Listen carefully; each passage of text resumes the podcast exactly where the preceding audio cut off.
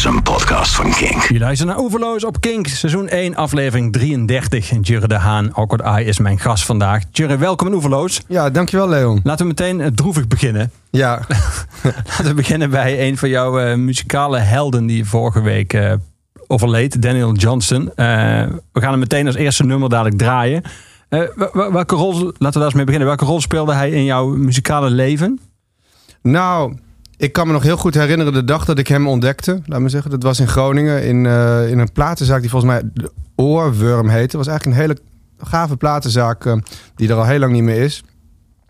Beetje kaliber LP, als je bekend bent in Groningen. Ja, Maar, ehm, eh, en daar was ik, ja, er was een hele aardige jongen die daar werkte. En die hielp mij een beetje dingen aan te geven waarvan hij dacht ik die mooi vond. Dus hij zei volgens mij op een duur van, ken je Daniel Johnston wel? En dan had hij een dubbel album met Songs of Pain en More Songs of Pain. Volgens mij. Dat zijn bandjes uit eh, 80, 83 van Daniel Johnston. Die heb ik opgezet. sprak de titel je meteen aan? Eh, weet ik niet meer. maar nu wel. Ik bedoel, Ja. het is gewoon...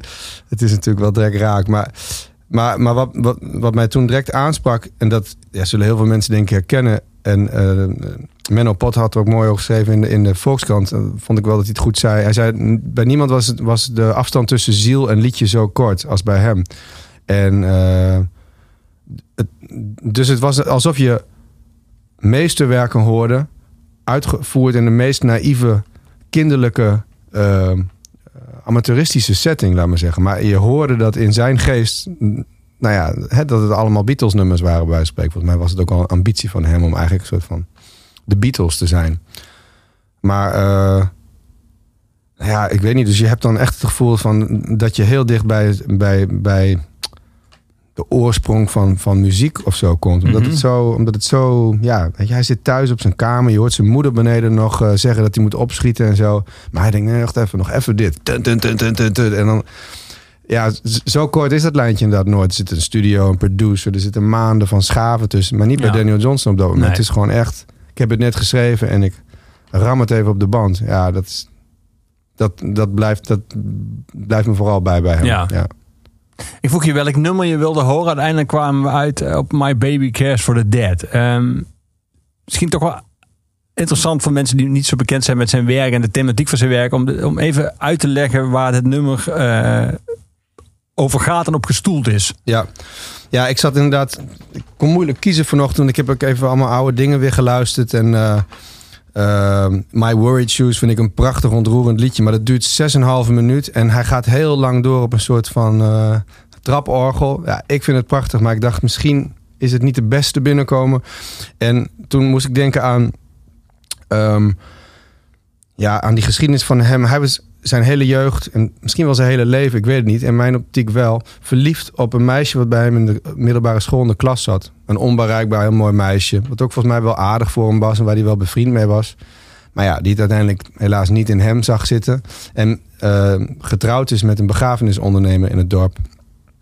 En ehm, ja, op alle albums die ik heb, heb ik het idee dat hij eigenlijk allemaal liedjes voor haar zingt. Van, weet je wel, mijn leven is verkeerd gegaan. We hebben die afslag toen gemist. En nu, nu zit ik hier, weet je. Het is gewoon verpest. En ik had jou gewoon moeten hebben. Jij was mijn grote liefde. En het komt nooit meer goed. En ik blijf altijd verdrietig. Gewoon, dat is een beetje de strekking.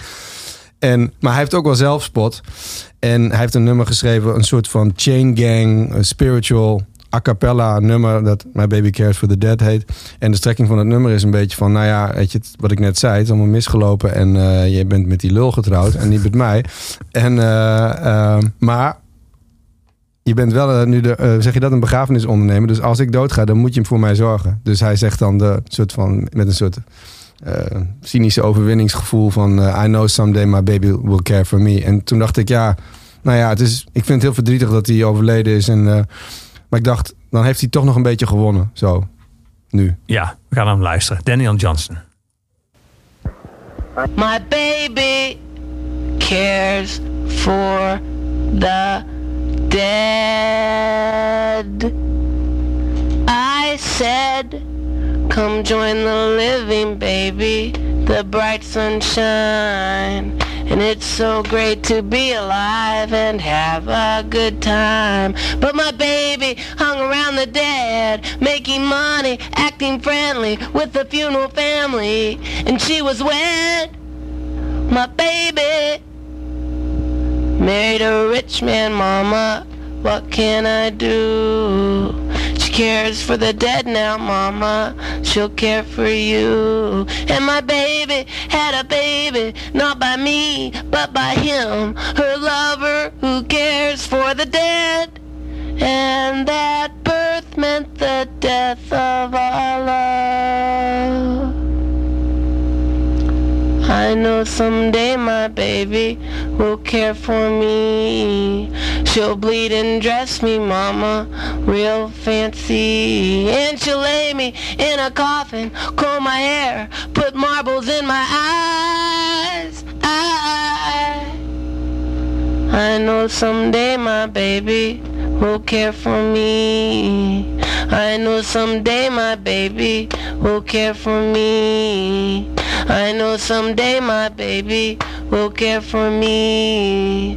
I know someday my baby will care for me. I know someday my baby will care for me. I know someday my baby will care for me. My baby cares for the dead.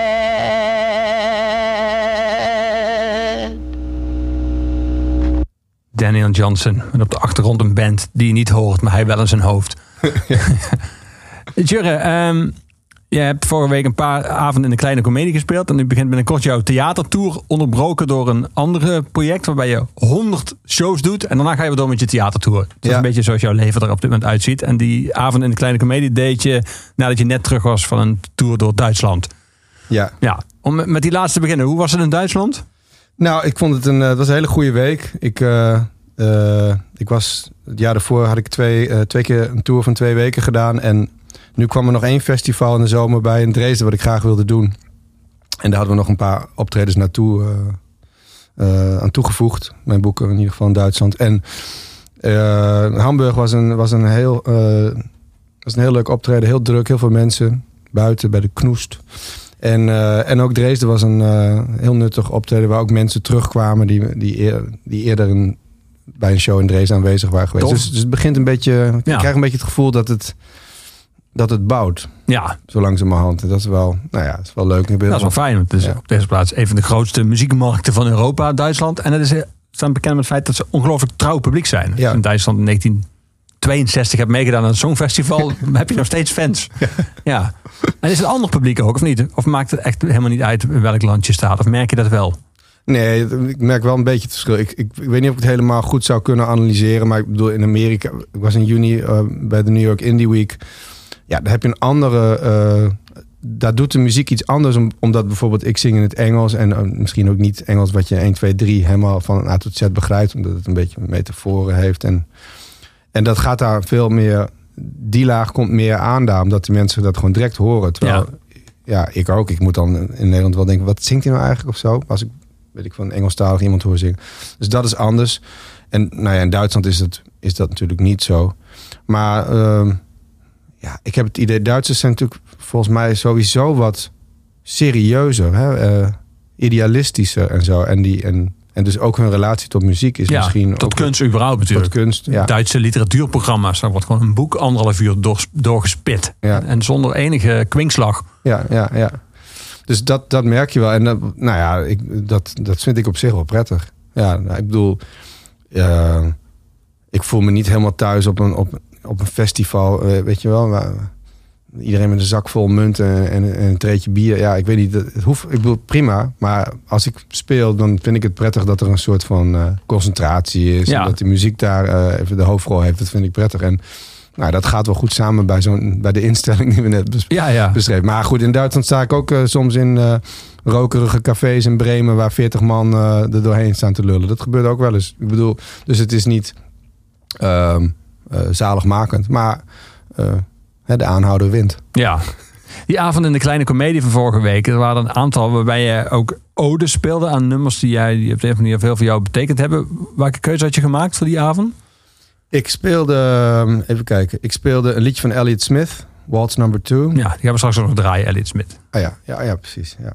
Eh, ik heb een liedje van Judy Sill gedaan. Wat ze zelf nooit af heeft kunnen maken. Maar een, eh, ja, wat op haar derde plaat had gestaan. Ehm, en ik deed een duet met Van Wijk van Gillian Welch. Ja, dan deden we nog wat groepsdingen. Maar dat waren mijn eh, persoonlijke keuzes. Ja. Ja. Is, dat, is dat lastig, vind je, om, je, eh, om het werk wat je, van mensen die heel erg bewonderen of nummers waar je, waar je, die, waar je misschien al een soort bijna levenslange relatie mee hebt, om die je eigen te maken? Moet je dan iets van je afwerpen eh, wat lijkt op, weet ik veel, heiligschennis of, of dat het... Ja, ja. ja, nou. Kijk, het is zo. Ik heb me met Elliot Smith vanaf het begin dat ik hem hoorde altijd ontzettend verbonden gevoeld op een of andere manier. Ik denk dat heel veel mensen dat wel hebben hoor. Dus ik denk niet dat ik daar per se bijzonder in ben. Maar het is wel zo. Ik bedoel, het gaat me echt aan het hart. En ik heb echt het gevoel dat als ik hem gekend had, dat het mijn vriend geweest was. Ik weet niet waarom. Vriend, romantische nonsens. Maar goed, maakt niet uit. Dat bepaalt wel je relatie tot die muziek. En, Ja. en ehm, dus ik hoef me niet anders voor te doen dan ik ben als ik hem zing, voor mijn gevoel. Ehm, maar ik heb wel een andere stem dan hij. Hij heeft een denk, breekbaardere stem dan ik of zo. En, ehm, maar ehm, nee, kortom, het is ook. Ik, ik, ik, het voelt niet als een pose. Dus ik kan dat, wat dat betreft, juist is het heel prettig om te zingen. Want ik heb het niet geschreven. Dus ik hoef me er niet over te generen of zo. Of bang te zijn of mensen mijn schrijverij wel gaan accepteren of zo. Want het is van Elliot Smith. Dus ik sta daar op zich, wat dat betreft, heel, Ja. heel lekker. Ehm, en met Judy Sill was het met dat liedje net zo. Ik hoorde die demo. Dat is ook een beetje zo'n Daniel Johnston-achtige kwaliteit, dat die demo. Omdat er loopt zit een hond tegen de microfoon aan. En ja, je hoort dat ze dat, eh, als, nou ja, dat ze daar nog mee bezig is met dat liedje. Maar er zit ook een soort ehm, naïeve, mm, authentieke eh, kracht in of zo. En, eh, eh, en daar voel ik me denk ik vaak heel erg door aangesproken. Als ik dat herken in mensen of hoor in mensen. En dan is het dus ook heel prettig om dat te vertolken. Omdat, ja, omdat ik vanuit... Ik ken dat gevoel ook, denk ik, of zo. Hè, als, als maker. Ja. Zonder mij nou gelijk te willen stellen met Judy Nee, ken, ik het, ken ik het Ja. gevoel wel van dat je iets maakt en dat het eh, zo'n demo daar is. En, dat, en, en een bepaalde soort magie eh, die, die ook in de melodie zit. Ja, ik weet niet, daar, eh, daar kan ik heel makkelijk achter gaan staan. Ja. Graag zelfs. Ja. We gaan een nummer voor jou draaien. Oh. Milkshakes Funnel Cakes. met die hele grappige clip. Een van jouw populairste nummers ook. Als je kijkt naar de... Dat kun je ook allemaal zien op Spotify. Kun je top 10 kijken van de Oh meest ja? gestreamde nummers. Dus deze staat hij erin? Dit Ja. staat op eh 8. Oh ja, ja, ik denk wel, ja. Ja, maar uh, Beneath the Sunny Sky staat op 1 en 2. Dus eh, eigenlijk staat deze op 7. Ja, zou je ja, kunnen ja. zeggen. Ehm, je hebt wel meer van die opvallende en vaak erg grappige clips. Eh, weet, je, weet je nog hoe, hoe deze tot stand kwam? Ja. Ja, het is nou, ik heb heel veel filmmuziek gemaakt het afgelopen jaar. En en veel daarvan voor Michiel ten Hoorn. ehm, van A Motherfucker. Ja. Ehm, wel bekend. En toen was het zo dat ik had op een duur zeven of acht dingen voor hem gedaan. En wij zijn bevriend geraakt daardoor. En eh, nou ja, hij is fan van muziek, dus eh volgt het op de voet. En toen kwam dit album uit. Toen zei ik voor de grap tegen hem van... nou, ik heb nu acht keer muziek bij jouw films gemaakt. Anders maak je een keer een film bij mijn muziek. En eh, hij was in New York in die periode en hij wilde graag iets maken daar. Dus toen, toen zei hij, nou ja, zeg maar, wat, welk nummer wil je het liefst dat ik iets voor maak? En dit is misschien niet de, de beste single, in de zin van een radiosingle bedoel ik. Maar dit was wel het nummer wat mij het meest aan het hart lag eh, van het album. En eh, ook qua compositie denk ik een van de wat bijzondere liedjes. Dus ik zei, nou, hier, alsjeblieft, deze dan graag. En toen... Hij gaf je geen enkele instructies verder aan hem. eh, wat je wilde. Nee, ik, hij is toen scenario's gaan schrijven in New York en die stuurde die mij op. Ja, het is echt verbluffend, want hij had de ene dag had hij, had hij verhaal in de metro, nee, in de catacombe van, de, van het riool en zo. En allemaal verhalen met rook en ik weet het allemaal niet meer. Het was echt best wel, uh, zeg je dat, fantastisch, ja. moet ik zeggen. Uh, en dan, maar dat kon dan niet, want hij mocht geen rook maken in New York. Zeker na, na 9-11 is dat een heel gevoelig ding. Ja. Dus dat kon dan niet. Dan kreeg ik weer een nieuw scenario van hem. En uiteindelijk had hij dit een soort bromance-achtig verhaal tussen een, een uh, ja, Matthew Silver speelt de hoofdrol. Dat is een, een vrij bekende, um, zeg je dat, performance kunstenaar Ja. uit New York. Maar die die daar toevallig tegenkwam. Dus hij zei tegen Matthew van, uh, ik ga hier een clip draaien overmorgen. Uh, doe je mee? ik heb 100 dollar voor je. Zo. En, eh, nou ja, goed. Matthew die vond het leuk, dus die doet mee. En toen hebben we nog een, eh, een andere acteur weten te casten. En zo heeft hij daar eigenlijk die hele... Ja, ik heb hem wel de tekst gegeven en hem door de tekst gepraat. Hij weet wel waar het, wat vandaan komt, waar het over gaat of zo. Of, eh, hij kent de tekst goed. Maar hij heeft wel op een heel soort analoog niveau... heeft hij zijn eigen wereld daar geschapen. Dat wilde ik ook graag. Ik wil niet dat pra praatje, plaatje-achtige Nee, nee. video. Dus, ehm, en ik durf dat aan hem over te laten, omdat hij daar, ja, hij is daar erg goed in. Dus ik dacht, verras me. Ja, en dat heeft hij gedaan. Heeft hij gedaan. En krijg je dan één keer het eindresultaat te zien? Bij, van- krijg je dan opgestuurd of zo, een soort première van de, van de, de film bij jouw eigen tekst?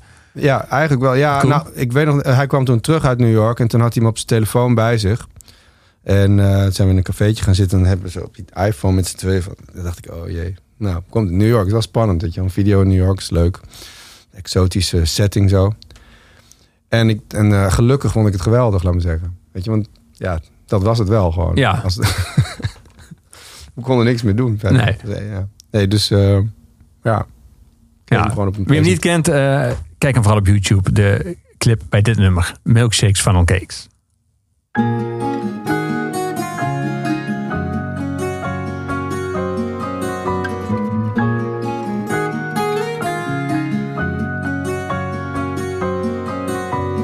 Milkshakes, funnel cakes, it's your first birthday. Ah, milkshakes, funnel cakes, it's your first birthday. I'm in a parallel world in which it didn't take place. And in a parallel, some kind of hiding place. And it's inevitable my avian alibis flying out the window. Everybody knows. Everybody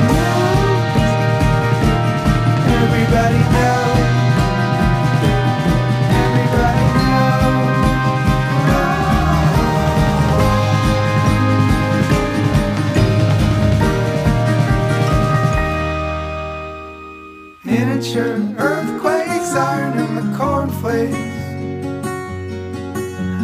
Miniature earthquakes, iron in the cornflakes. You lick a caramel swirl. Should have known it was lace.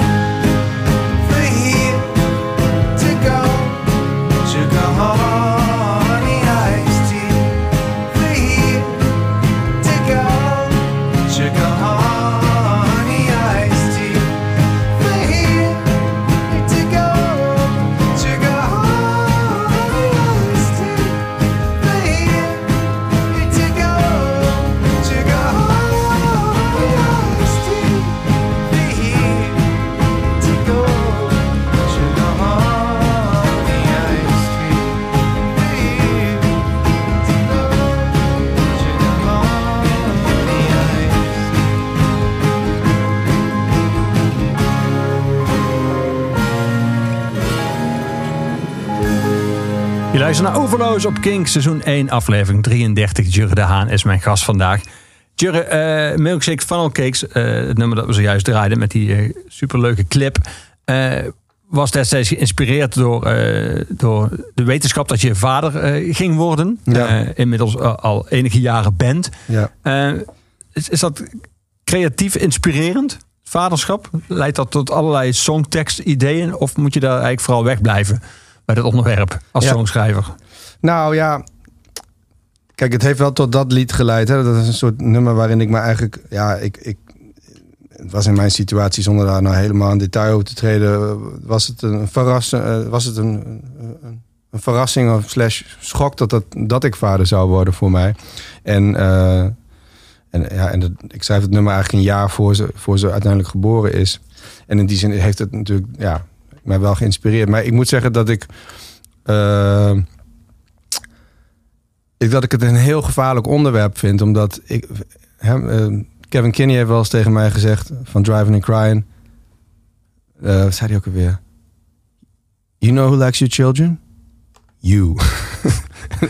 Weet je, dus van niet te lang over je kinderen praten. Want, want ik bedoel, dat boeit niemand zoveel als jou. Dus Ja. moet je een beetje maat in houden. En En dat Eh, geldt songteksten dus eigenlijk ook. dat vind ik, ja, ik bedoel, als ik inderdaad John Lennon, beautiful, beautiful, beautiful boy. Dan denk ik, ja, ik snap dat hij echt van zijn zoon houdt. En dat hij dat, maar ik, het doet mij niet zoveel, laat me zeggen. Want ik denk, ik ken die jongen niet. Ik, was, ik, ik, ik voel dat niet. En Maar toch grappig hoe dat werkt. Want je zou kunnen zeggen bij elk liefdesliedje... jij kent die vrouw niet of Nee, die man. klopt, of ja. die, eh, Ja.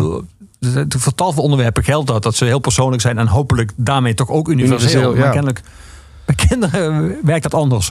Nou ja, misschien is het omdat vaak heel eenzijdig één emotie eruit gelicht wordt. Namelijk geweldig en prachtig en het is fantastisch om het mooi te Ja. zo. Dat is natuurlijk ook zo gedeeltelijk. Maar eh dat is natuurlijk niet het hele verhaal. Je denkt ook, hou je kop gewoon eens drie seconden. Of eh, was ik maar niet vader geworden, dan kon ik nu dit en dat en dat allemaal nog gewoon doen. Of zo. Weet ik, dat zijn ook allemaal dingen die je denkt. En misschien is het wel gewoon, wordt het allemaal te zoet gebracht, waardoor ik het niet meer wil eten, laat Ja. maar zeggen.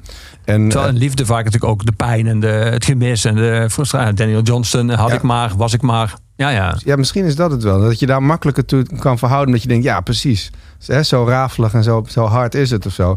Ehm, eh, ja, denk ik of zo. Ik bedoel, het is ook heel moeilijk om, om een blij nummer te, te schrijven... waar je niet van hoeft te kokhalzen. Ik bedoel, ik vind van de Beatles, weet je... Good day, sunshine, dat trek ik wel. Ik weet niet waarom, maar het, het is heel up en, eh, en licht. En toch denk ik, ja, oké. Maar het zijn heel veel voorbeelden van...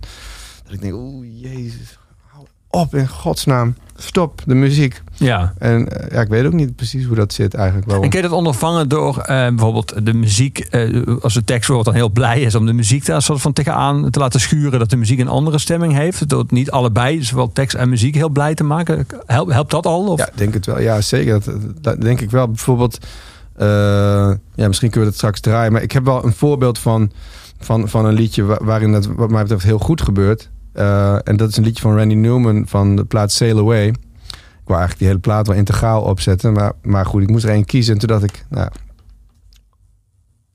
toen dacht ik van, ehm, eh, nou, laat, laat ik die dan kiezen vanwege de thematiek. Vanwege het feit dat Memo to My Son een geslaagd liedje over, over een kind is. En ja, hij zegt in dat liedje namelijk... What have you done to the mirror? What have you done to the floor? Can I go nowhere without you? Can I leave you alone anymore? En, hè, hij zit alleen maar te zeuren. En, en volgens mij zegt hij in het volgende coupletje ook nog dat... Nou ja, dat het, hij heeft het kind eigenlijk niks te leren. Hij heeft een paar dingen van the winner never quits, the quitter never wins. The winner going get stuff. Dat allemaal allemaal van die clichés. Allemaal bullshit eigenlijk. Ja, Hij weet eigenlijk niet wat hij moet zeggen. Van hier, eh, succes ermee. eh, zet hem op in het leven, kind. En uiteindelijk, uiteindelijk is het nou, eh, in het laatste couplet toch heel ontroerend. Want hij zegt dan van ja, misschien, misschien ben je wel gehandicapt. Dat zegt hij niet letterlijk, maar daar komt het wel een beetje op neer. Misschien kan je wel helemaal niks, maar ik zal altijd van je houden. En dan denk ik, ja, kijk, dan krijg ik ineens kipvel. Ja. Dat vind ik zo mooi gezegd van eigenlijk een heel lang nummer, alleen maar zeuren. Maar er is ook die onvoorwaardelijke liefde. En, en dat is voor mij veel dichter bij, bij nou, zo'n relatie. Niet, Ja. niet alleen maar beautiful, beautiful, beautiful boy. Laten we naar gaan luisteren. Ja. Nu we het over hem hebben. Nou, niet, niet naar John Lennon, maar naar Randy Newman. Memo to my son.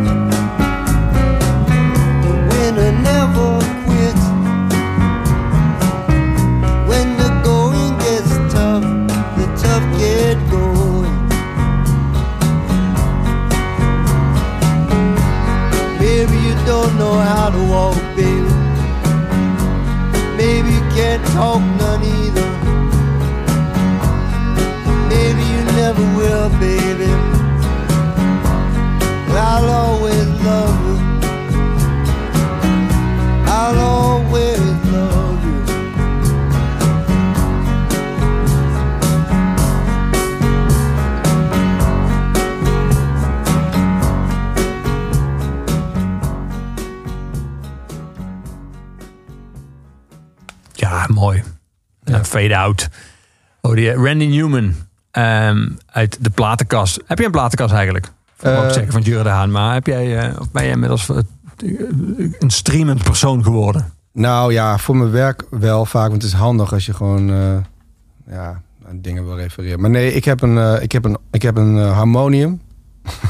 dus ik heb een plaat en een harmonium. Bovenop het harmonium staat, staan ze Ah, oké. van links tot rechts staan al mijn eh, LP's. Dus ik draai, ja, nee, thuis draai ik gewoon eh, LP's. En eh, eigenlijk, ik, ik zet nooit Spotify op. Ik, ik gebruik het wel, maar ik zet het nooit op in de kamer en dan ga ik koken. En dan, nee, dan luister ik toch liever een plaat. Moet je een beetje tijd voor maken. Ja. De, vrij langlopende product dat tussen die twee in zat. De cd hoor ik je niet over. Heb je die wel Heb niet? ik ook nog, ja. Ah, Nee, die, die zet ik ook wel eens op. Alleen, eh, nee, die zet ik ook wel. Daniel Johnson heb ik vanochtend uit de kast gepakt, bijvoorbeeld. En, eh, ja, en dan denk ik, ah ja.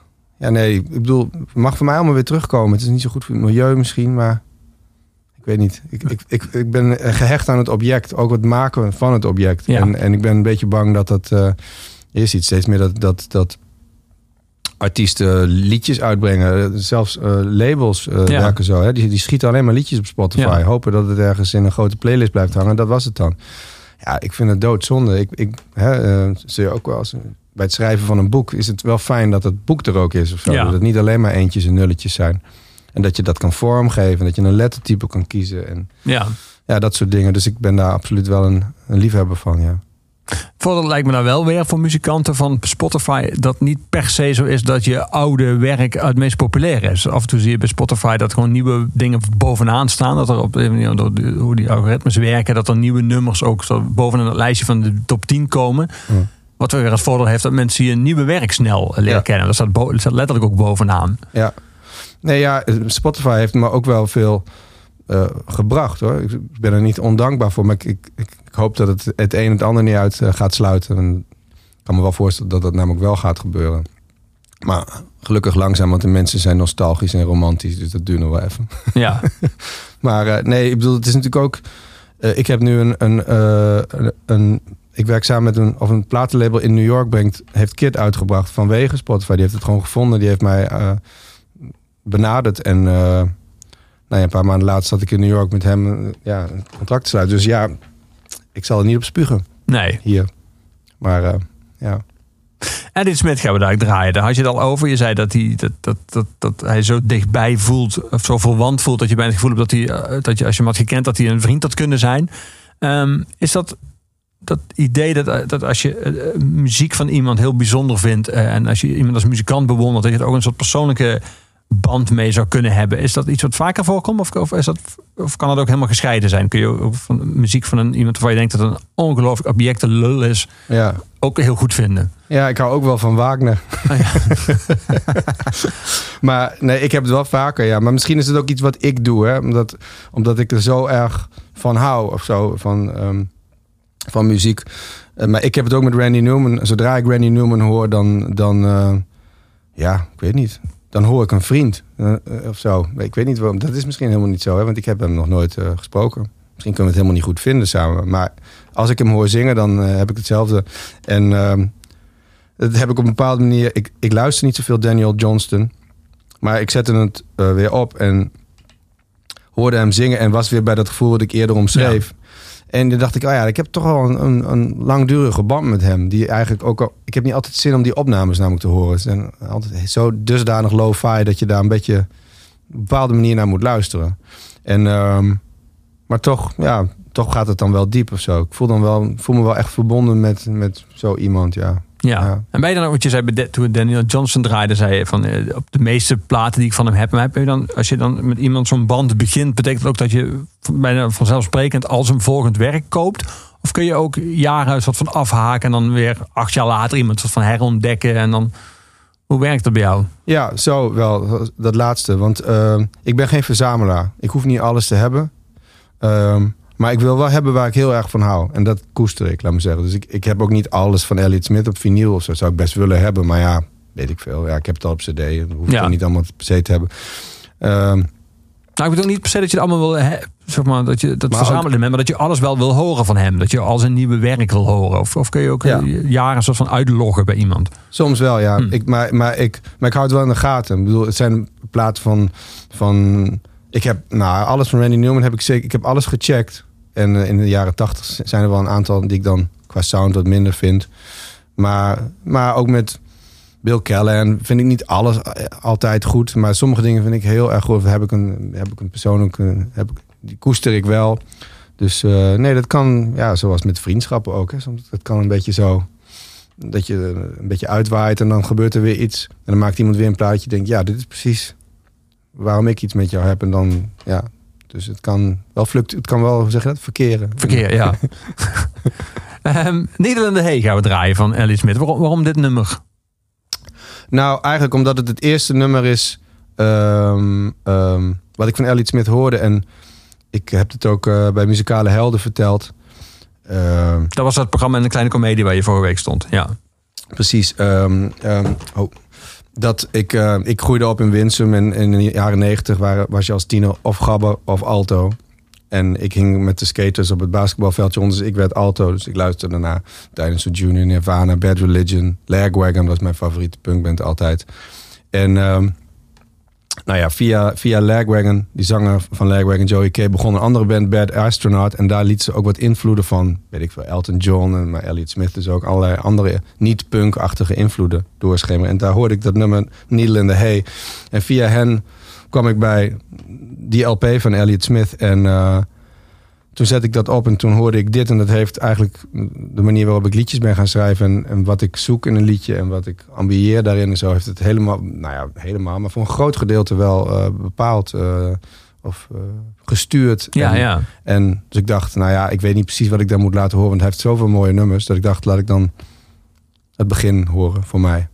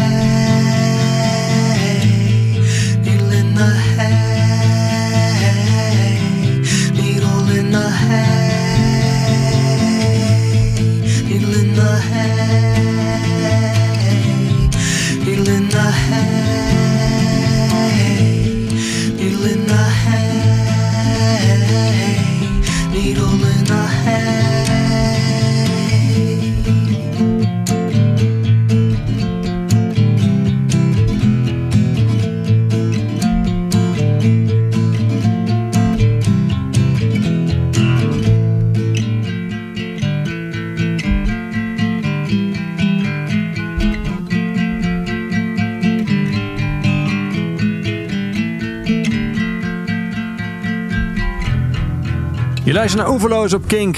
Seizoen 1, aflevering 33. Jurre de Haan is mijn gast vandaag. Eh Jurre, je, je gaf het al even aan toen we het hadden over, eh, over clips. Eh, jij bent inmiddels een soundtrack-expert. Je hebt de soundtrack voor de opmaking van, eh, van Eva van Ent geschreven. En van A Motherfucker. Voor beide heb je volgens mij bij allebei genomineerd van Gouden Kalf. Ja. Ehm, ik begreep dat die, die eerste, de opmaking van eh Even van Ent, dat in eerste instantie jou gewoon gevraagd om een aantal nummers aan te dragen. En dat jij vervolgens zelf hebt voorgesteld van laat ik dan ook wat dingen schrijven speciaal voor. Je zit me nu ja het aan te kijken, dus dat klopt. Ja, en zo, zo ging het. Ja, eh, hij wilde eerst volgens mij een, een, een En hij was de regisseur. Sorry, Michiel ten Hoorn, de regisseur Diezelfde, inderdaad. Ja. die wilde eh, een film maken waarin hij ehm, veel Nederlandse indie bands wilde verwerken. Dus hij had zich bij Excelsior gemeld. Van mag, ik- mag ik wat van jullie mee hebben om te kijken? Ja. Nou ja, en die vonden dat natuurlijk wel interessant. Dus hij kreeg een stapeltje cd's mee. En uiteindelijk bleek toen, heeft hij me laten verteld... dat hij vier liedjes van mij had en één liedje van Adem Racetrack. Dus nou ja, hij belde me op een deur op van... Ik weet helemaal niet of je dat wel leuk vindt, zei hij, dat ik dat ga doen. Ik vond het natuurlijk te gek. Ik dacht, wat een, hè, wat een eer of zo, leuk.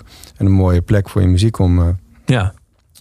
Dus ik zei, eh, hij hij wilde het laten horen hoe hij die liedjes had verwerkt. Om te kijken of ik dat oké vond. Dus ik ging daarheen naar eh, de producent. En, en we kregen een soort nulversie van die film te zien met... eh, of dus een niet helemaal affe versie van die film te zien met de liedjes erin. En toen bleek er een probleem met de componist... die verder de score zou verzorgen voor die film te zijn. En toen heb ik een beetje de stoute schoenen aangetrokken... omdat ik dacht, ik wil graag die wereld wel in. Ik wil dat werk wel gaan doen.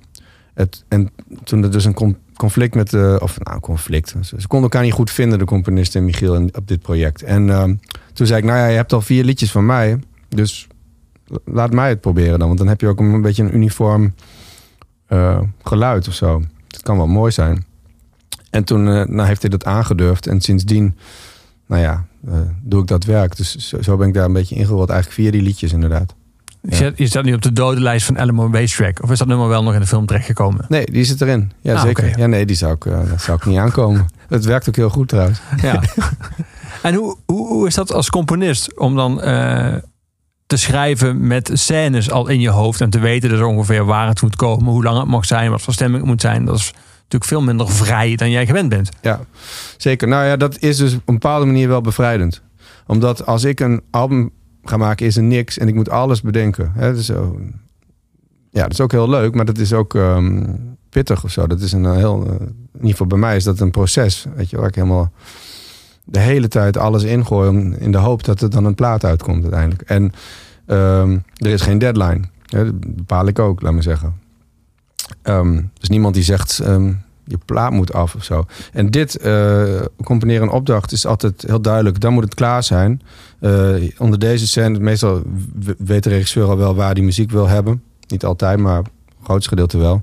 Dus je weet welke scènes je moet behandelen en wat er moet gebeuren. En nou ja, is het, het is, dus een, is eigenlijk heb je heel veel dingen die je kunnen inspireren al. Je hebt al production design, je hebt de acteurs, je hebt het spel, je hebt ehm, Ja, het scenario. het Ja. scenario. Dus er zijn heel veel dingen eh, die, eh, nou ja, die, eh, die het proces op gang kunnen brengen, wat heel prettig is. En onder tijdsdruk, ik heb nog nooit een deadline gemist. Dat, dat gebeurt op de een of andere manier.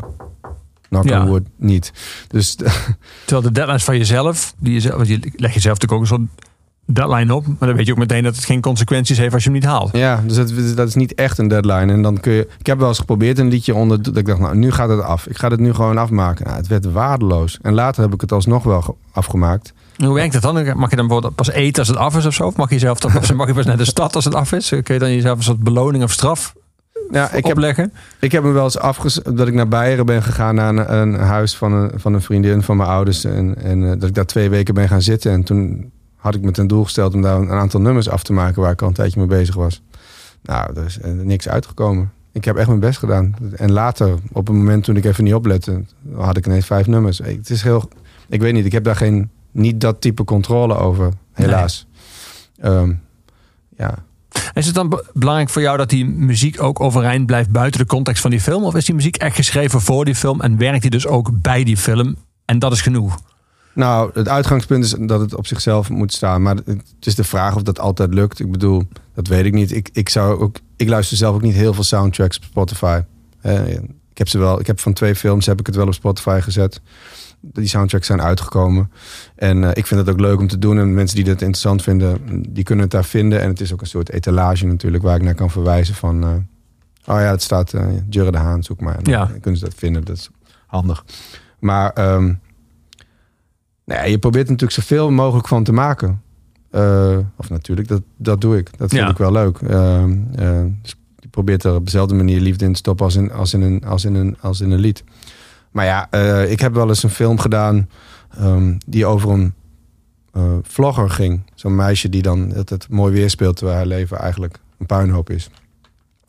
En daar moest heel specifiek vlogachtige muziek. Nou, ik weet niet, ik kijk niet zoveel vlogs, maar dat heb ik toen voor die film gedaan. Het is echt best wel lullige muziek, laten we zeggen. Waar, en de regisseur zei ook tegen mij, eh, eh, Anne Barnhoorn was dat van ehm, de scenariste van ehm Ah, motherfucker. Amelvakker en uh, ontmaagding van Even van Ent ook. Die zei van, sorry Jure dat ik hiervoor vraag. Het is echt niet leuk. maar ik moet dat gewoon hebben. En toen heb ik dat gedaan. En ja, god, dat zou ik niet op een plaats zetten. Wat, Maar- voor, wat voor muziek gebruiken veel vloggers dan? Ja, in dit geval waren het een beetje van die... Ja, met fluitjes en heel opgewekt en een beetje dom. Gewoon dom, lelijk, lelijke akoestische gitaartjes. Ukuleles, dat soort dingen. Ja, de ukulele is een lastig ding eh, om smaakvol te gebruiken, laat me zeggen. Maar dat hoeft ook niet bij een vlog. Dat is gewoon... eh, ding, ding, ding, ding. Ja, ik weet niet. Het is, het, het is heel moeilijk uit te leggen, maar het is eh, infantiel. Ja. nou ja, als je dat dan vervolgens met verven hebt gedaan, is dat ook al wel knap. Ik hoop het, ik hoop het. ja. Maar er zijn, we- ik heb nu eh, net eh, een, eh, weer iets met Michiel en Giancarlo Sanchez gedaan. Met Michiel ten Hoorn en Giancarlo Sanchez. Eh, dat is een horrorserie voor Netflix. En eh, ja, ik weet ook niet of ik dat nou eh, op zou zetten voor de lol. Maar ik moet zeggen, dat, dit, dat is wel een heel gaaf eh, zeg je dat, experiment of zo. Omdat het zo buiten mijn comfortzone ligt. Dat je hebt zulke andere elementen nodig in horror dan bij een liedje. Dat in een romcom komt het nog wel enigszins overeen. Omdat je vaak, ja, akoestische muziek werkt wel in een romcom of zo. En er zit gevoel in, dat werkt dan met die karakters. Maar het is nu gewoon, eh, ja, je hebt hele andere dingen te bewerkstelligen. Dus eh, Angst. angst bijvoorbeeld, ja, of eh, ja, hoe zeg je? Onbehagen. Onbehagen, dat je misselijk wordt of zo. En dat je niet weet waarom. En, en dan gebeurt er iets. En dan was je al misselijk, zo. Dat soort dingen. Ja, het is... Ja, ik weet niet of we dat eigenlijk op Spotify moeten gaan zetten. Maar... Maar je vertelt er wel vrolijker over, vind ik. Of opgewekt of enthousiast dan over die eh, lullige ukulele. Ja, zeker. Nee, het was heel leuk. Omdat het voor mij... Ik vind het altijd leuk om dingen te doen die ik niet ken. Hè. En Daar raak ik het meest eh, enthousiast altijd van. Dat je aan iets begint dat je denkt... Ik heb geen idee of ik dit kan of zo. En dan ga je het proberen te doen. En dat was met dit in, in extreme vorm zo. Ik, ik, eh, ik had op voorhand niet gezegd dat ik nou de uitgewezen persoon was om, om, om voor zo'n horrorserie te vragen. Maar ik dacht, ja, Michiel en ik eh, maken best wel eh, werken al heel lang samen en komen op allerlei plekken daardoor. Ik bedoel artistieke plekken, dus allerlei soorten, genres. En toen dacht ik van ja, nou ja, ik ben wel ook wel benieuwd wat er gebeurt als ik in deze, als ik me in dit gebied begeef. Ja, Dus ja, ja. tof. We gaan muziek draaien. Niet van jou, maar van Blond Redhead. Waarom zij? En waarom dit nummer? Love Despite of Great Faults. Nou, eh, ik ben even die, de naam van het album die is dan. Melody of Certain Damaged Ik wou Lemons. het niet verkeerd zijn. Hij is namelijk zo lang. Ja, is heel lang. uit 2000 alweer. Ja, dat is mijn. eh, ja, ik vind dat echt een soort. Net als Sail Away van Randy Newman vind ik dit ook een soort van tijdloos meesterwerk. Eh, en dus ik kon ook niet goed kiezen, want ik, ik kan het hele album van A tot Z luisteren. Dat is ook het beste bij dit album. Maar ik vond dit, dit, dit eh, waarom Blonde Redhead in het algemeen, omdat zij, net als Elliot Smith, wat mij betreft, ook ja, een soort mysterieuze schoonheid hebben die, die mij doet vermoeden dat zij iets nieuws hebben gevonden. En dat vind ik altijd, dat, dat, dat wil ik met muziek, dat het steeds nieuwe gebieden aanraakt. Of zo. Dat, daar word ik enthousiast van. Dus ik denk dat ik daarom eh, fan van Blonde Redhead ben geworden. En dit nummer heeft een, ja, het is een prachtig nummer. Dus ik dacht, doe maar die. Dat wordt hem. Ja, we gaan naar luisteren. Blond Redhead.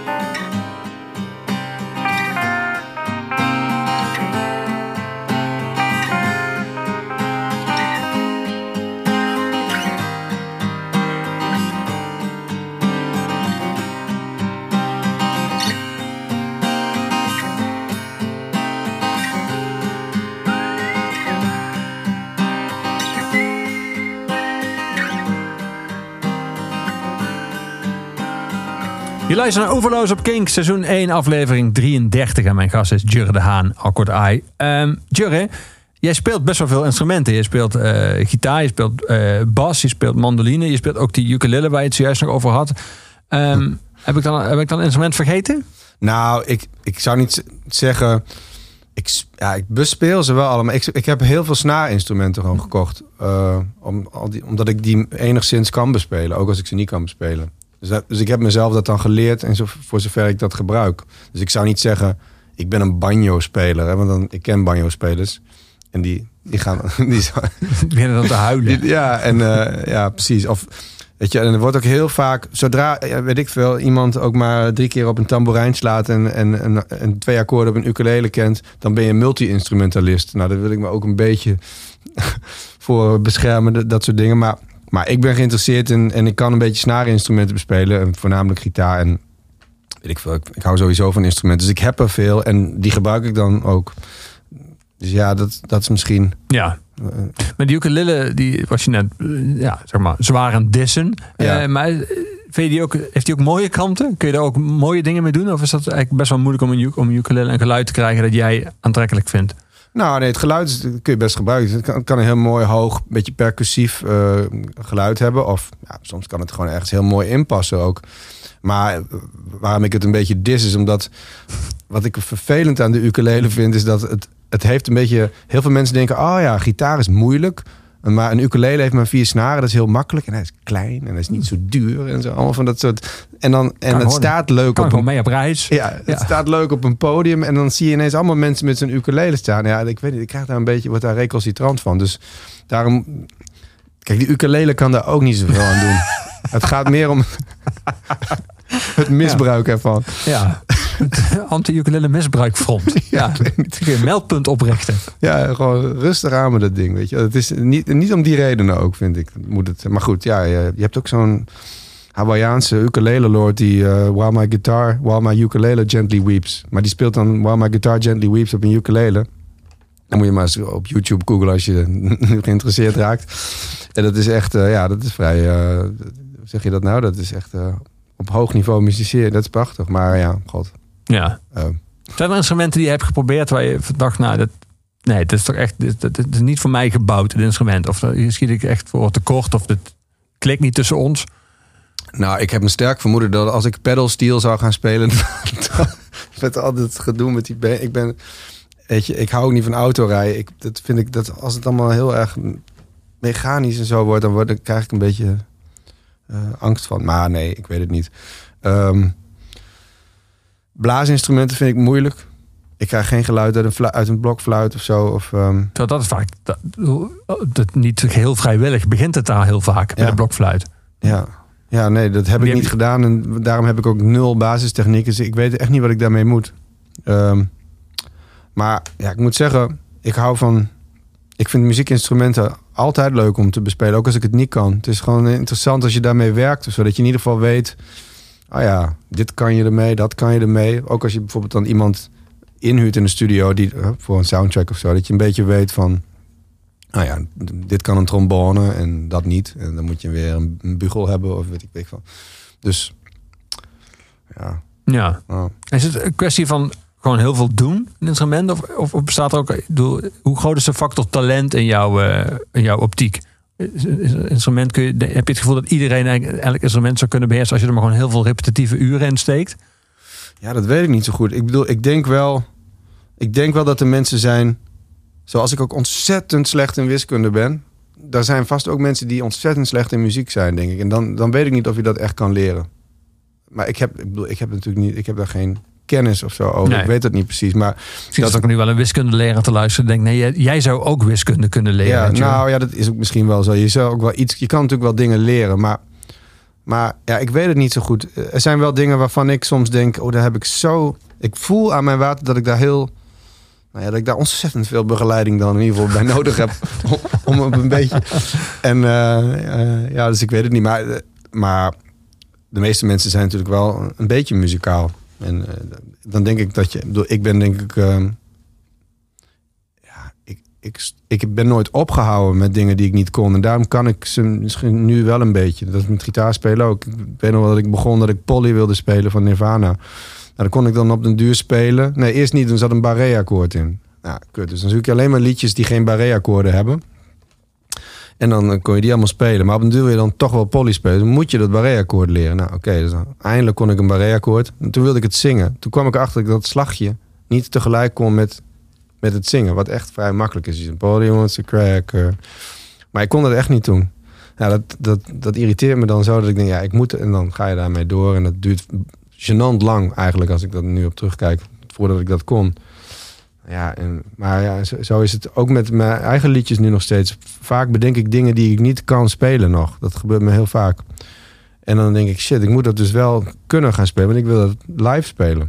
Niet één keer in de studio alleen maar. Nee. Dus ja, dan moet ik dat. En dan moet ik mezelf dan eh, hopelijk op een hoger niveau weten te tillen. Anders dan kan ik mijn eigen muziek niet eens live spelen. Maar zo interessant hoe jij dat vertelt. Want dat betekent dat jij dus niet per se op je instrument het nummer componeert. Maar dat je het in je hoofd... Er is een verschil tussen je, je hoofd en je handen eigenlijk. Nee, dat gaat wel hand in hand vaak, maar niet altijd. Het kan ook in je hoofd inderdaad. Dat is eigenlijk, misschien is het wel het vaak wel fijn, want dan heb je helemaal niet dat je door de techniek wordt tegengehouden of zo. Hè? Of dat je nog moet kijken waar het akkoord precies ligt. Nee, je wordt er niks tegengehouden Nee. aanvankelijk. nee, precies. Dat is wel goed aan. eh, maar ehm, ehm, Maar dan moeten je handen nog volgen.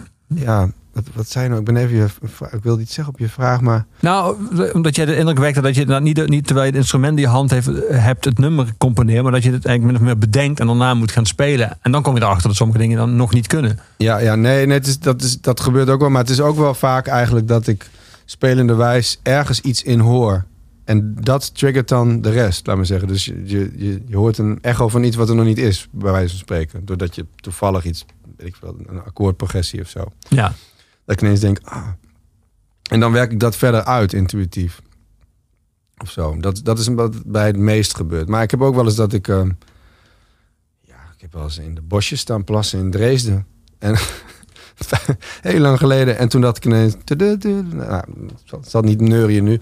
Maar toen dacht ik een melodie. En, en toen dacht ik, oh ja, dit is een nummer. Nu weet ik het. En, dat, heb ik nu pas geschreven, zeven jaar later. Maar ik weet het moment nog dat ik dat beginriedeltje neuriede. Ja, Maar is dat op de een of andere manier te herleiden tot het geluid van klaterend urine in een bos in Nee. Dresden? Nee, toch? absoluut. Nee, sorry, Nee. dat had er helemaal. Ik had ook niet moeten zeggen. Het maakt een beetje onsmakelijk. Maar Nee, het maakt vooral. Eh, het is gewoon het absurd. Ja, het is gewoon zo'n absurd moment dat dat in je hoofd schiet. Ik weet niet waarom. Maar misschien wel omdat je net even niet oplet. En dan, ja, wie weet wat het brein allemaal de hele tijd doet. Hè? Ik bedoel, en soms doet het brein kennelijk dat. Ja. Eh, mijn brein dan, die maakt dan iets. En als ik oplet, dan, dan kan ik het vangen. Eh, ja, ik wou dat ik hier meer van af wist. Want dan had ik, weet je, ik zou graag veel meer liedjes maken dan ik doe eigenlijk. Maar ja, ja je bent toch ook een beetje overgeleverd aan, Jezelf. aan jezelf. ja. Ja. We gaan terug naar 1968. We gaan naar Van Dyke Parks. Ehm, ver voor jouw tijd. Dus dit, is met, zeg maar met terugwerkende kracht dan in jouw leven terechtgekomen. Hoe? Hoe kwam dit ook? Tja. Wat een goede vraag. Dat weet ik altijd eigenlijk. En nu denk ik ineens, hoe in godsnaam kwam ik hierbij? Hmm. Nou, denk er maar rustig over na terwijl we dan luisteren. Dan Ja, ik, ik, schiet het je misschien ook binnen. ja, ik weet niet meer. Ik, ik, nee, geen idee. Waarschijnlijk dus op social media. Want dan, dan, is de concentratie laag. Maar dat zal, ik zal ik wel ergens op geklikt hebben en toen dit gehoord hebben. Maar ehm, wat ik... Ja, Van Dyke Parks is een hele eclectische figuur. En in de zin van dit hij ontzettend veel verschillend soort werk heeft gedaan. Verschillende soorten muziek Ja. arrangeert. eh, veel muziek geschreven heeft. ehm ehm eh, Ry Cooder's carrière eh, vorm heeft proberen te geven voor Warner Brothers volgens mij. Dus het- maar goed, eh, wat ik, het, nummer wat, wat we gaan eh, horen, The All Golden, sprak mij heel erg aan omdat die plaat waar dat op staat, ehm, Song Cycle volgens mij, heet die. Ja. Eh, uit 8 of 69, Ja. 69, 68, ja. 68. Eh, ik hoorde dat en nou ja, het is een hele avontuurlijke plaat. Het is psychedelisch, het is, ehm, eh, maar niet stoned psychedelisch per se. Het is wel heel erg, ehm, hoe zeg je dat nou? Het is niet een beetje, het is geen mazzel. Nee, nee. Eh, en, ehm, en ik hoorde dat en toen dacht ik ineens, ah, fuck. Bands zoals Grizzly Bear en, en Department of Eagles, ik, dat vind ik ook progressieve, avontuurlijke popmuziek. Maar toen ik dit hoorde, dacht ik ineens, ah, die hebben dit gewoon gehoord. En die, eh, ik vond het zo wonderlijk dat, dat dit nu nog steeds avant-garde is. eh, terwijl die muziek uit 1968 komt. En eh, nou ja, zo raakte ik daar, hoe zeg je dat, gefascineerd Ja. door. En ja, het is, je moet een beetje moeite voor dit nummer doen, maar dan word je denk ik wel beloond als, je- als, je, als je dat ervoor over hebt. Ja, en dat kan dus. Je kunt dus een half decennium later alsnog nog steeds vernieuwend zijn. Ja, kennelijk. Eh, Het is wonderlijk. Hij heeft, daarna heeft hij een hele andere wending ingeslagen en heeft hij een, een calypso-plaat gemaakt. Wat toevallig ook nog eens een liefde voor mij is. Ik hou ontzettend van calypso-muziek en van steel drums en zo. Ja, toen dacht ik helemaal deze. Ja, dit is ook mijn vriend, weet je wel. De- de- wij begrijpen elkaar. Maar, Ja, maar als je dit hoort en dan met in je achterhoofd dat de volgende plaat, of de plaat daarna, dat weet ik even niet meer, een calypso-plaat is. Ja, dan moet, moet je toch wel enigszins geïnteresseerd zijn in deze figuur. Thank you.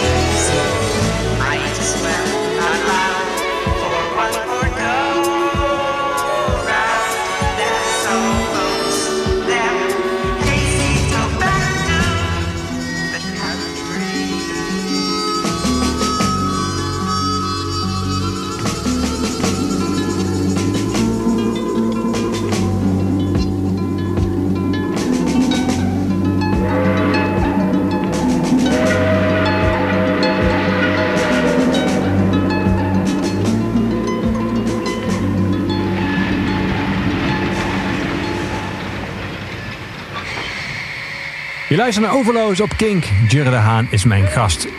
Eh Jurre, Kom je nog vaak in Groningen? Eh, nou, ja, mijn ouders wonen in Groningen. Dus ehm, ik kom altijd wel een aantal keer per jaar in Groningen. En eh, ja, om te spelen ook wel. Dus ja, nou, wel met enige regelmaat. Ja. Ja. Woonde je er graag? Zeker. Ja, ik vind ook Groningen nog steeds een van de leukste steden van Nederland eigenlijk. Ja, maar ehm, en ik heb eh we zien, ik heb 18 jaar in Winsum gewoond, dus toen woon ik niet echt in de stad. En daarna nog een jaar of ehm, vijf, zes of zo in de stad. En ehm, ik ben ook daar weggegaan toen ik het ook nog leuk vond daar. Maar, maar Groningen is wel een stad. Het is niet zo heel groot. En ehm, ik, had op een duur, ik had op de middelbare school daar ook gezeten. Dus je hebt dan op een duur overal herinneringen. Ik, Ja. weet je, wel, je kent overal het personeel voor je gevoel. En op die straathoek heb, weet ik veel, eh, heb je met een, voor het eerst gezoend. En, en overal ligt wel iets. Waardoor, nou ja, een beetje het gevoel voor avontuur mij op een duur ontbrak. En da- daarom ben ik weggegaan. Niet omdat ik... je te vertrouwd? Ja, ja, ja, ja. ja. Maar ik kom me heel graag, ja. En werd bij jou thuis aangemoedigd dat jij eh, muziek maakte? En dat je ook muzikant wilde worden? Ehm, nou, ja. mijn ouders zijn allebei ge- geen, eh, niet artistiek actief geweest. Of ook nu niet. Ehm, maar het zijn wel absoluut eh, muziekliefhebbers altijd geweest. Ehm, ehm, als we, mijn vader was bijvoorbeeld, is bijvoorbeeld groot fan van Jealous Guy van, van Lennon. En als wij dat in de auto op hadden, wat we vaak hadden. En dan kwamen we thuis aan en zette hij de auto op de oprijlaan. En dan was het nummer niet afgelopen. En dan bleven we allemaal in de auto zi- zitten. En dan mocht er niet gepraat. Nou ja, we mochten wel. maar Ik bedoel, was stil. Gaan we naar Ja. muziek luisteren of gaan we praten? Zo, weet je? En dan gingen we dat nummer afluisteren op de op, opritlaan. En dan, dan deed de radio. En dan gingen we naar binnen. Dus ik bedoel, dat geeft wel een bepaald... Zoals het hoort. Ja, Ja. als ik daar nu op terugdenk, denk ik, oh ja, dat is wel goed. Eh, dat was natuurlijk niet bewust pedagogisch gedaan, maar dat heeft wel een soort. Dan krijg je wel het idee Dat mee muziek belangrijk is. dat het En waarde kunst, heeft. Ja, precies. En dat je er geconcentreerd naar luistert. En, zo. En dat je gewoon je bek houdt, ook wel belangrijk. En in Nederland best een, een belangrijke les. ja. Ja. en eh, ik weet ook met mijn vader zat ik met de koptelefoon op, dan klassieke muziek heel hard. En dan, eh, nou, dan was hij echt weg. Dus ik bedoel, dat, die liefde heb ik denk ik wel van hen. Maar, en daarom hebben ze mij ook altijd gestimuleerd. Of in ieder geval niet in de weg gestaan daar.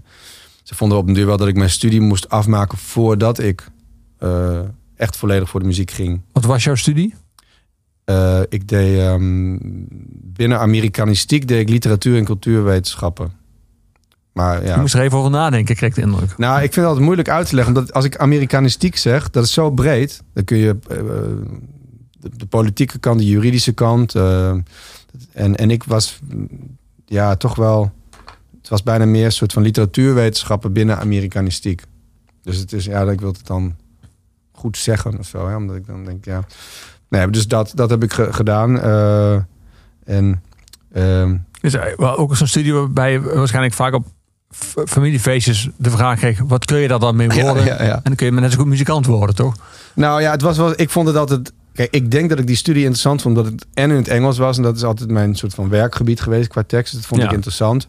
Eh, en, eh, en je kon, kon heel veel lezen en heel veel onderzoeken. Dus het was voor mij een soort romantische zoektocht meer naar dingen die ik mooi vond of zo eigenlijk.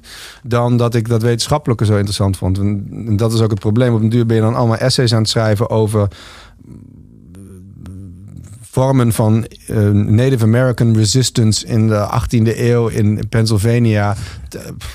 En heel interessant op zich. Maar ik, die, hele essays die je aan, aan typen bent, die kan je niet aan je ouders geven of zo. Van je vrienden van nee, ik heb, ik, dit heb ik getypt. Het is heel interessant. Eh, het zit heel goed in elkaar. En dan denken mensen, ja, wat kan mij dat dan om schelen? Ik snap hier helemaal geen bal van. En dus dat vond ik op een duur niet zo leuk dat dan de, eh, de vrucht van al die arbeid eh, zo'n zo'n werkje werd. Waar je dan een beetje de, de, de, de hedendaagse filosofie netjes in moet verwerken. Want anders krijg je geen negen. Weet je, zo werkt het toch een beetje op de universiteit. Dat je toch een beetje een bepaalde kant op moet dansen. Wil je populair worden. Ja. En nou ja, dat, dat- dat, vond ik onbevredigend. Dus toen dacht ik eigenlijk steeds meer van... ik mis iets of zo. En, en dat was dan toch wel de muziek of zo. Dat je iets moois maakt. Dat geeft me veel meer voldoening. En ehm, dan, dan iets slims te zeggen eh, met, een- met een, eh, in een goede argumentatie. Ik maakte misschien een beetje een, eh, hoe zeg je dat, een eh, karikatuur van, maar toch. ja. Ehm, en dus dat, Maar zeg je daarmee ook eigenlijk dat eh, voor de dingen die je maakt, je uiteindelijk ook wel iets van publiek nodig hebt? Nou, ja, god, dat is natuurlijk ehm, nodig, weet ik niet. Ik bedoel, ik kan zelf ook ontzettend content zijn als ik een liedje af heb gemaakt. Maar het, ik wil het wel graag delen inderdaad. Dus ik kan ook niet zeggen dat ik het helemaal voor mezelf misschien doe. Maar het is wel zo dat, ja, in de eerste plaats denk ik toch wel. Het is vrij egocentrisch, weet je. Ik, ik wil bijvoorbeeld dan, eh, ik ben met een nummer bezig, daar wil ik een bepaald iets in, in zeggen. En dat lukt heel lang niet tot het wel lukt. En dan kan je het nummer, hè, dan is het nummer af. En dat moment is echt een moment tussen mij en het nummer. Waar, waarin ik heel bevredigd heel even ben dat ik uit de chaos tijdelijke orde heb gemaakt in de vorm van een liedje. En daar kan ik me ontzettend eh, gelukkig door voelen. Ja, Niet zo lang, want dan. dat snap ik. Maar dan, ik, ik, stel me dan ook voor dat de tweede, dat vrij snel na die euforie het gevoel komt, oh, dit, moet- dit moeten mensen hoger. Dat je niet de neiging hebt om te denken, dat is ah, geweldig, het is toch gelukt. Nu leg ik het in een la en dan mag Nee. nooit de hele wereld nooit meer zien. Nee, precies. Dat is, nee, dat is inderdaad. Ik wil het dus wel delen daarna. Maar het, zijn wel, het is wel in fases of zo. Het Ja. is niet dat ik. Ik ben niet nooit bezig met het publiek als ik met een liedje bezig ben. Echt met mijn eigen oren en mijn eigen mm, criteria. Of wat ik. Ja. En, en daarna ja, zit het dus kennelijk toch ook wel. Ja, maar dan ga ik mezelf psychologiseren. Hè? Moet je voor uitkijken. Nee hoor. Ik, nee, ik zit te denken, waarom, doen, waarom doen mensen dat inderdaad eigenlijk? Hè? Ik bedoel, omdat ik natuurlijk wil horen dat het heel goed is. En dat mensen het prachtig vinden. En dat, zij eh, dat ze er ook iets bij ervaren hebben. En, eh, ja, en dat ik daardoor een soort van bestaansrecht heb. Zoiets. Ik bedoel, ik, ik heb een heel leuk interview met Randy Newman gezien. Eh, Je luistert naar Jurre Duits zichzelf, live op Kink, ja, je hebt het toch voor elkaar. Ik ga er toch aan beginnen. Maar, Randy Human. En Randy Newman die zegt dan van... eh, eh, ehm, Randy Newman heeft ook gewoon de angst dat hij nooit meer iets ehm, moois kan maken. En dan zegt hij over in een interview van... Ja, als ik dat zeg, dan zeggen mensen altijd van... Ja, maar jij bent Randy Newman. Dat, komt, hè, dat, meen je niet echt. Dat, je bent gewoon bescheiden en dat is heel leuk. En dat zie je en zo, maar dat is natuurlijk onzin. En dan zegt hij, maar mensen begrijpen niet... eh, dat ik weet echt niet of ik nu ooit nog één noot ga schrijven die de moeite waard is. En, eh, eh, en daar lig ik echt wakker van, want, want het, ik verbind er mijn eigen waarde aan. En nou ben ik even door altijd psychologiseer en het feit dat ik laat op bed lag even mijn eigen draad kwijt. Maar ehm wat was ook weer je vraag? Of je een publiek nodig hebt. Ja, precies. Nou ja, dus daar, daar zit het dan toch wel het gevoel van eigenwaarde. Dat je dus kennelijk iets moet maken en dat dat goed moet zijn en dat andere mensen daar iets mee moeten kunnen. En daarna heb je pas het gevoel dat je dat je mag bestaan. Klinkt een beetje heftig, maar ja, ik weet niet. Dat het klinkt eigenlijk heel ziek. Als ik het nu zo zeg. Maar eh, ook heel bekend. We gaan muziek draaien. We gaan terug naar 2006. We gaan luisteren naar Animal Racetrack. Een band waar we het net al over hadden. Toen we het over de soundtrack hadden. Hmm. Ehm, maar dat is een nummer waar, je- waar, een nummer waar jij aan hebt me- meegewerkt. Ja, dat moet ik een beetje nu- nuanceren. Maar, want ik heb niet aan deze opname meegewerkt. Maar het is wel zo dat in die periode dat ik overwoog te stoppen met mijn studie en vol voor de muziek te gaan, die werd. Dat werd. Ik was al bezig met een Awkward Eye album. Eh, ehm, en toen kwam Alamo Racetrack. ehm, de bassist van Alamo Racetrack ging ten tijde van Black Cat John Brown. verliet de band voor een wereldreis. En ze hadden geen bassist. En ik eh, was be- bevriend met hen, maar ik had geen bas en had nooit bas gespeeld. Maar zij hebben mij toen gevraagd om bas in de band te komen spelen. En eh ik ze heel dankbaar voor ben, want het was niet per se een heel goed idee. Maar ik had er ontzettend veel aan. Ik heb met hen heel veel getoerd en ik heb geleerd over hoe het is om in een band te spelen, omdat ik altijd in mijn eentje opereerde. En ehm, ehm, kortom, eh, ik heb dit nummer wel heel vaak live vertolkt. Dus ik moet wel heel eerlijk bij zeggen dat ik hier dus niet eh, op te horen ben. En ehm, ja, ik vind het zelf, eh, dit was wel. Ik was groot fan van de band waar ik toen ineens in kon gaan bassen. Mede Ja. door dit nummer. Ik vond het zo'n fantastisch nummer. En toen stond ik het elke avond naast Ralf eh, te bassen en met Ralf te zingen. Dus het was, eh, nou ja, daarom vind ik dan toch wel dat ik er een beetje aan mee heb gewerkt. Vind ik ook. We gaan naar luisteren. Animal Racetrack. Don't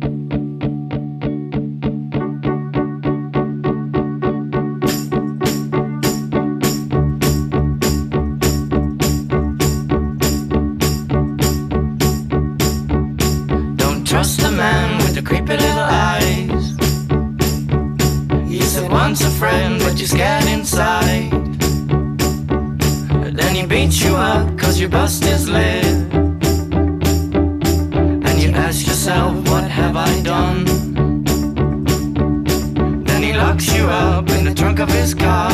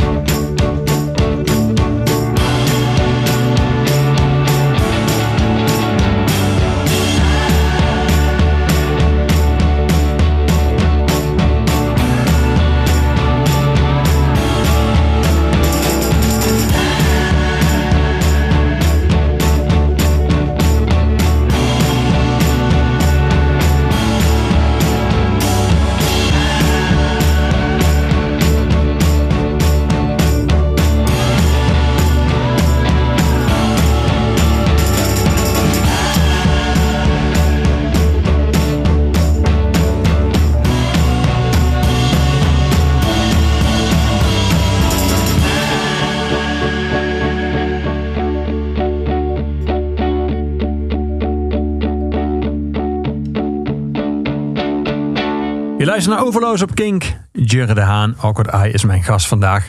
Eh Jerry, je vertelde toen we het over Elliot Smith hadden... dat jij eigenlijk via Joey Cape van eh Lagwagon bij Elliot Smith terecht kwam. En via bij Lagwagon kwam je terecht omdat je een alto was. eh, en dat je op het, skate, eh, op het skate, rond skaterreinen rondhing. En daar natuurlijk veel eh punkrock te horen was. Ja.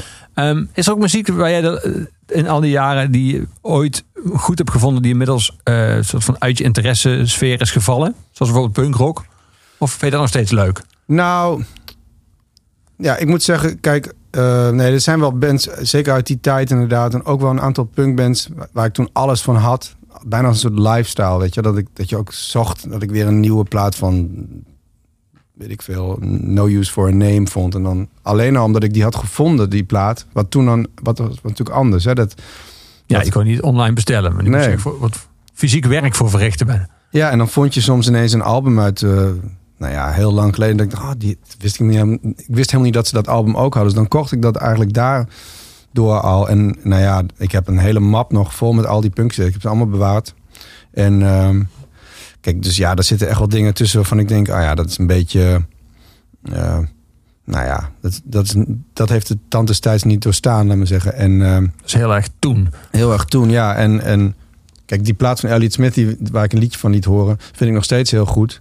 Maar ik denk wel dat ik daar eh, bij die plaat, dat ik daar toen heel erg mm, verwant aan voelde. Omdat er zit ook een soort van die adolescente pijn zit daarin.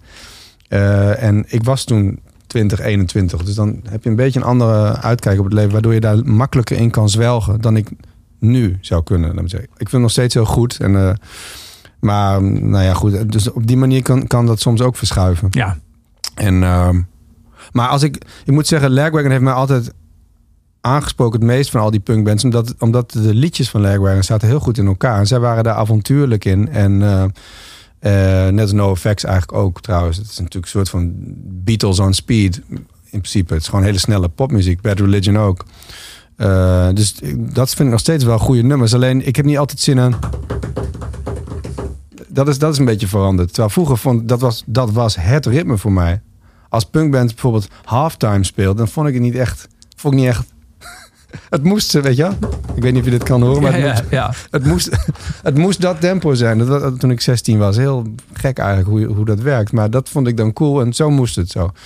En eh, ja, dat, dat, dat ben ik wel een beetje kwijt. Ik, dat- ik verbaas me er ook wel over, want Lagwagon speelt nog steeds. Ik heb laatst Ja, weer... heel veel van die bands die je noemt spelen nog steeds. Bad Religion speelt nog steeds. Ja, en No doen Effects speelt nog steeds. Ja, en die doen precies dat ding. En dan denk ik, ik kan me, ik kan me bijna niet voorstellen dat die jongens zelf soms niet denken van... Maar dat is misschien onzin, hè? Maar van, nou, la- laten we nou eens gewoon, weet ik veel, een rustig tempo een, een mooi liedje spelen. Want die, die Nee, liefde... daar, staan, daar staan dan twintigjarige de jurors van nu staan dan. Nee, dat is niet echt punk. Ja, nee, precies. En die blijven dat dus doen. Ja, ik weet niet. Eh, ja, ik heb dus niet de laatste... Ik weet niet eens hoeveel... eh, ik heb... Wat is mijn laatste Lagwagon album? Dat is denk ik eh 16 jaar geleden. Dus misschien hebben ze er wel 5, 6, 7 gemaakt. En eigenlijk ben ik op zich wel geïnteresseerd in wat Joey Cape maakt. Omdat hij altijd wel mooie dingen maakt. Maar dat heb ik toch een beetje... Dat volg ik niet meer nu. Nee. nee. Smog Smog, ja. uit 2003 gaan we naar luisteren. Ja, die... Ook het eerste nummer wat ik van hem hoorde. eh, ik weet ook niet meer precies hoe. Ik denk dat ik in een platenzaak ontdekt heb. Vanwege de cover, denk ik dat ik de cover mooi vond. Ja, een rode cover Supper heet het album. Supper, ja. En er zit een van mijn lievelingszinnen ooit gebruikt in de popmuziek in. Hij zingt namelijk ergens in dit nummer... When they make the movie of your life... they're gonna have to ask you to do your own stunts. Because nobody, nobody, nobody... can pull off the same shit as you... and still come out alright. Wauw. en dat hoorde ik en toen dacht ik... Wauw. Ja. Dat je dat muzikaal kan brengen. Dat, ja, toen was ik, toen was ik een beetje direct geobsedeerd eh, door eh, wie dit was en wie dit gemaakt had en wat hij nog meer had gedaan. En ja, is ook wel zo'n na Elliot Smith. en was het ook allemaal zo bijzonder als je hoopte toen? Of, of was, had je meteen ook het beste gehoord? Nee, nou, het is zeker bijzonder. Vooral zijn eerste albums, eh, die, heb ik wel, die heb ik dan wel allemaal gekocht in een bepaald soort verliefde periode. ja, daar had ik ook wel een paar niet van kunnen kopen. Die zijn wat mij betreft wel echt heel eh, rommelig en zo. En, maar vanaf dit moment, eh, hij heeft ook wel platen hiervoor die ik goed vind hoor. Maar vanaf dit moment is hij wat meer ehm, country en folk invloeden. eh, zitten in zijn muziek. En eh, er komt er een soort rust in. En eh, ehm, daar ben ik heel erg fan van. Dat vind ik heel goed bij hem passen. Dat vindt hij denk ik zelf ook. Want hij is daar wel echt duidelijk mee doorgegaan vanaf een bepaald moment. En ehm, nou ja, hij was hem, na Elliot Smith was hij voor mij een, een, ja, een, de, de, de volgende ontdekking, laat Ja. zeggen, die mij eh, denk ik ook wel beïnvloed heeft. Ja. Van het album Supper 2003, Feather by Feather, Smog.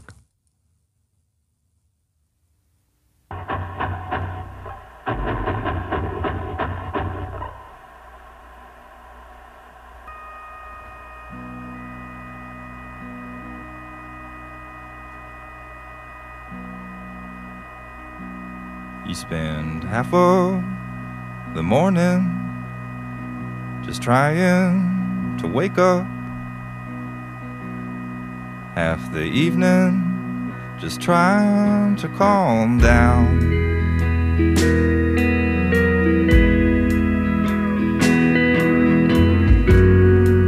And you live for the same thing. We live for the same thing. Cloudburst seems rarer every time. And it's crow versus crow.